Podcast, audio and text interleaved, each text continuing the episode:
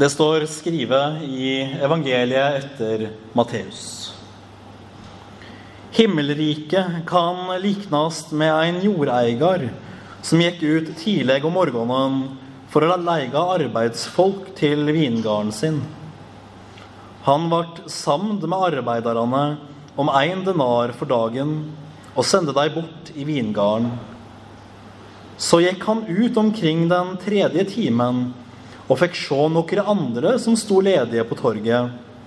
Han sa til deg, gå bort i vingarden, det òg, så skal jeg gi dykk det som er rett. Og de gikk. Siden gikk han ut omkring den sjette og den niende timen og gjorde like eins. Da det leide til den ellevte timen, gikk han ut att og fant enda noen som sto der. Han sier til dem, Hvorfor står, står det her, arbeidsløse hele dagen?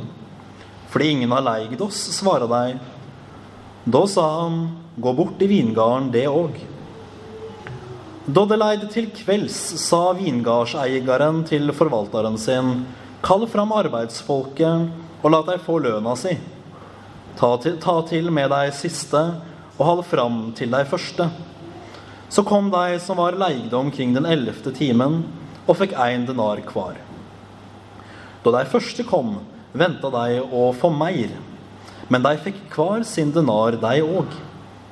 De tok imot pengene, murra mot jordeieren og sa:" De som kom sist, har ikke arbeid mer enn én time. Og så setter du deg likt med oss som har slitt og sveita hele dagen.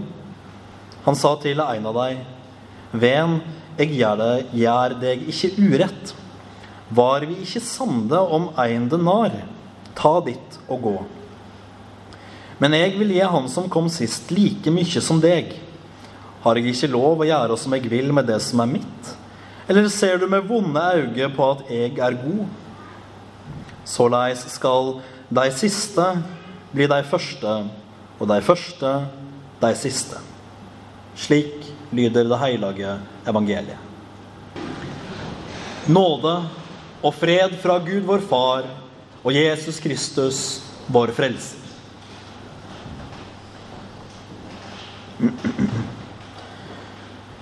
Det er som med mange andre av de lignelsene Jesus forteller oss, ikke alltid så lett å få tak på innholdet. Hva er det egentlig Jesus vil fram til, og hva er budskapet her? Det er klart at det er et viktig poeng at Jesus faktisk taler i lignelser når han taler om Gud, himmelen og de aller største av troens mysterier. Vi ville neppe vært i stand til å i det hele tatt begynne å ta det inn over oss om Jesus skulle ha snakket, snakket direkte om dette og helt uten filter. Så store er de tingene han taler om.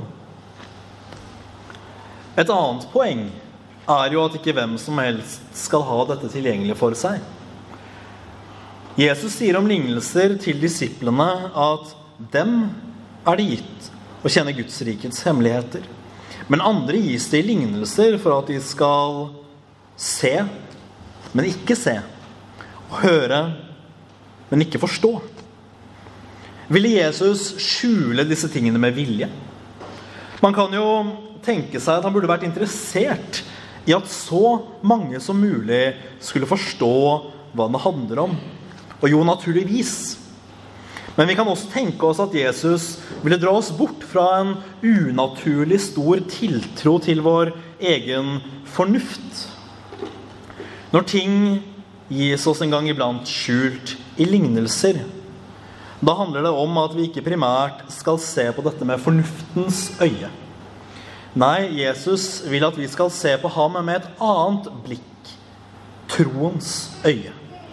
Og med troens øye så kan vi se klarere hva det er Jesus taler til oss om i lignelsene. Men så langt om lignelser generelt. La oss se litt nærmere på den vi har konkret foran oss i dag. Den handler altså om flere grupper mennesker som alle arbeider i Herrens vingård i kortere eller lengre tid. Altså mennesker som tjener Gud i Hans rike. Ulike folk kommer til ulike tider, arbeider ulik lengde, har forskjellig arbeidsbyrde, men alle får samme lønn. Det er lignelsen veldig kort oppsummert. Den første og veldig nærliggende tolkningen går inn på at dette handler om jøder og hedninger. Hedninger, altså ikke sånn som det ofte brukes uh, i dagligtalen, men forstått som alle folkegrupper som ikke er jøder. Jøder og hedninger, for jødene var stolte, og med god grunn. For bare et par søndager siden så hørte vi Paulus legge ut om jødenes fordeler og storhet. De hadde løftene. Fra dem kom fedrene. Ja, fra dem kom Kristus selv. De hadde loven, pakten, tempeltjenesten og alle slike store ting. De var Guds folk, og de kom ganske enkelt først. Så begynner da kristentroen å trekke til seg ganske mange mennesker som ikke er jøder. Og Det er kanskje ikke så rart, men Jesus forutser at her kan det bli litt uenighet og strid om den lønnen man skal få. Skal virkelig alt mulig rart av mennesker få samme lønn som jødene? Guds utvalgte folk? De som har vært med fra begynnelsen av? Ja, er det korte og enkle svaret Jesus gir. En annen tolkning den er mer generell og gjør teksten kanskje litt mer aktuell i vår sammenheng. Da handler den om mennesker som har vært kristne lengre eller kortere tid. Har gjort mer eller mindre arbeid i Guds kirke. Da blir det fort ganske mye mer aktuelt for oss også. Hva gjør vi som har vært kristne hele livet? Når vi tenker på den lønnen vi skal få, tenker vi at vi skal få enda større lønn enn de som akkurat er kommet til tro. Jesus går da også ganske kraftig i rette med oss i denne lignelsen og minner oss om at den lønnen som Gud Fader gir oss i himmelen, den er den samme uansett hvem vi er. Og det er en ting som slår meg som ganske sørgelig i møte med denne teksten. Og det er at Jesus i det hele tatt er nødt til å tematisere dette i en lignelse. Hvorfor er vi ikke fornøyde med lønnen vår? Jeg tror det henger sammen med et av våre grunnproblemer som mennesker. Vi blir egentlig aldri fornøyde. Vi vil ha mer, vi vil ha større, og vi vil ha bedre. Og vi er så utålmodige. Vi vil ha det nå. Aller helst ville vi kanskje hatt det i går. Som mennesker er vi som barn som stadig maser på vår himmelske Far at vi skal få mer, større og bedre. Og Sånn tenker vi ofte også med tanke på troens innvirkning i vårt daglige liv. Ja, for vi klarer jo ikke å vente på denne lønnen som vi skal få i himmelen. Selv om vi kanskje vet hva vi skal få der, vil vi likevel i vår utålmodighet ha noe nå. Og jeg tror vi tenker lett at å bli en kristen betyr at alt skal bli så utrolig bra med en gang. Man kan høre folk forkynne at hvis du blir en kristen, ja, da ordner alt seg. Blir du bare en kristen, ja, da skal du bli frisk. Du vil bli et høyt ansett og godt likt menneske bare du blir en kristen.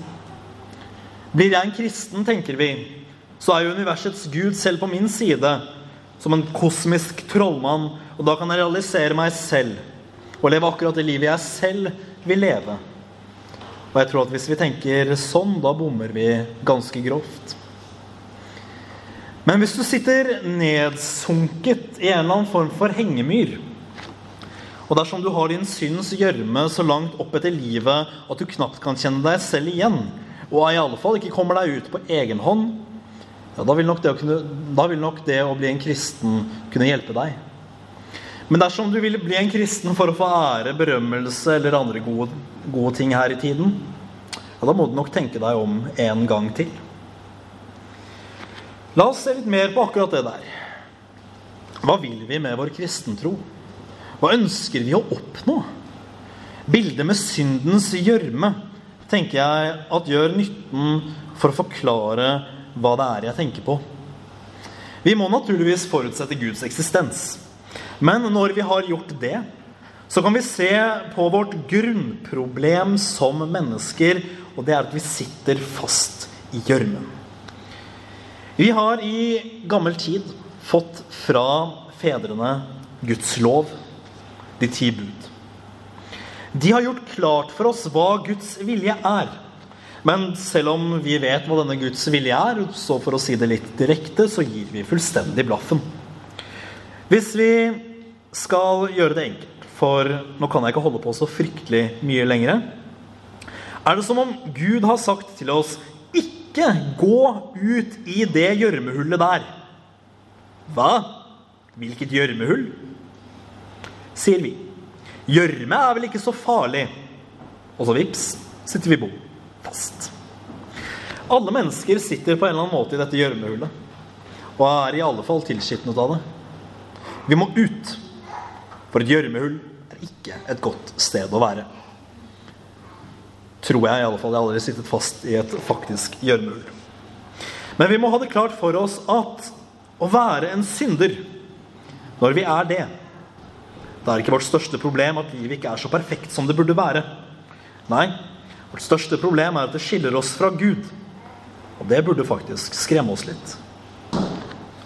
Men er vi så tilskitnet av synd at det er ute med oss? Fins det ikke håp?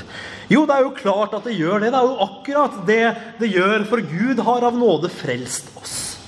Han har kalt oss ut av mørket og inn i sitt underfulle lys. Jeg måtte si alt dette, fordi dette er lønnen vi får. En synder kommer ikke til himmelen, men det er likevel håp. Vi skal nemlig ikke klare dette selv. Vi skal ikke selv streve oss inn i himmelen med vår synd og våre begrensninger. Det ville vi aldri i verden klart. Nei, Jesus Kristus han dør på korset, som vi kan se konkret foran oss der. Han dør på korset for oss, og der tar han på seg straffen for alle våre synder. Og dette, kjære menighet, er evangeliet. At én dør for mange. Jesus Kristus gir sitt liv for hele verden. Og Jesus han kommer oss i møte, både med nåde og med kjærlighet. Han tar våre synder på seg og vasker oss rene for all vår skitt og møkk, all gjørme, all synd. Kanskje vil vi fremdeles være tilskitnet i dette livet. Og verden vil se på en kristen og si 'han er vel ikke ren'. Men det er bare det ytre. For Paulus selv snakker om at den kristne er kledd i Kristus. Det er ham som dekker oss med sin nåde, og han tilgir oss alle våre synder. Vi slutter ikke å være syndere, men vi får våre synder tilgitt. Og den som har fått sine syndere, synder forlatt, for den står veien åpen. For det er som salmen sier, salig er den som Gud ikke tilregner skyld. Og Jesus Kristus tilregner Gud oss ingenting annet enn hans egen rettferdighet. Og dette er den lønnen vi skal få, uansett om vi er jøde eller hedning, har vært en kristen kort eller lengre tid. Dette er lønnen vi skal få frelse og evig salighet når alle våre synder strykes ut. Hva gjør det da om livet ikke blir perfekt? Hva gjør det da om vi mister all ære og anseelse i dette livet ved alle tiders ende? Vil Gud, Herren selv, stå og ta imot arbeiderne i sin vingård og si til oss, godt gjort, du gode og tro tjener. Gå inn til gleden hos din Herre. Ære være Faderen og Sønnen og Den hellige ånd, som var, er og blir en sann Gud, fra evighet og til evighet. Amen.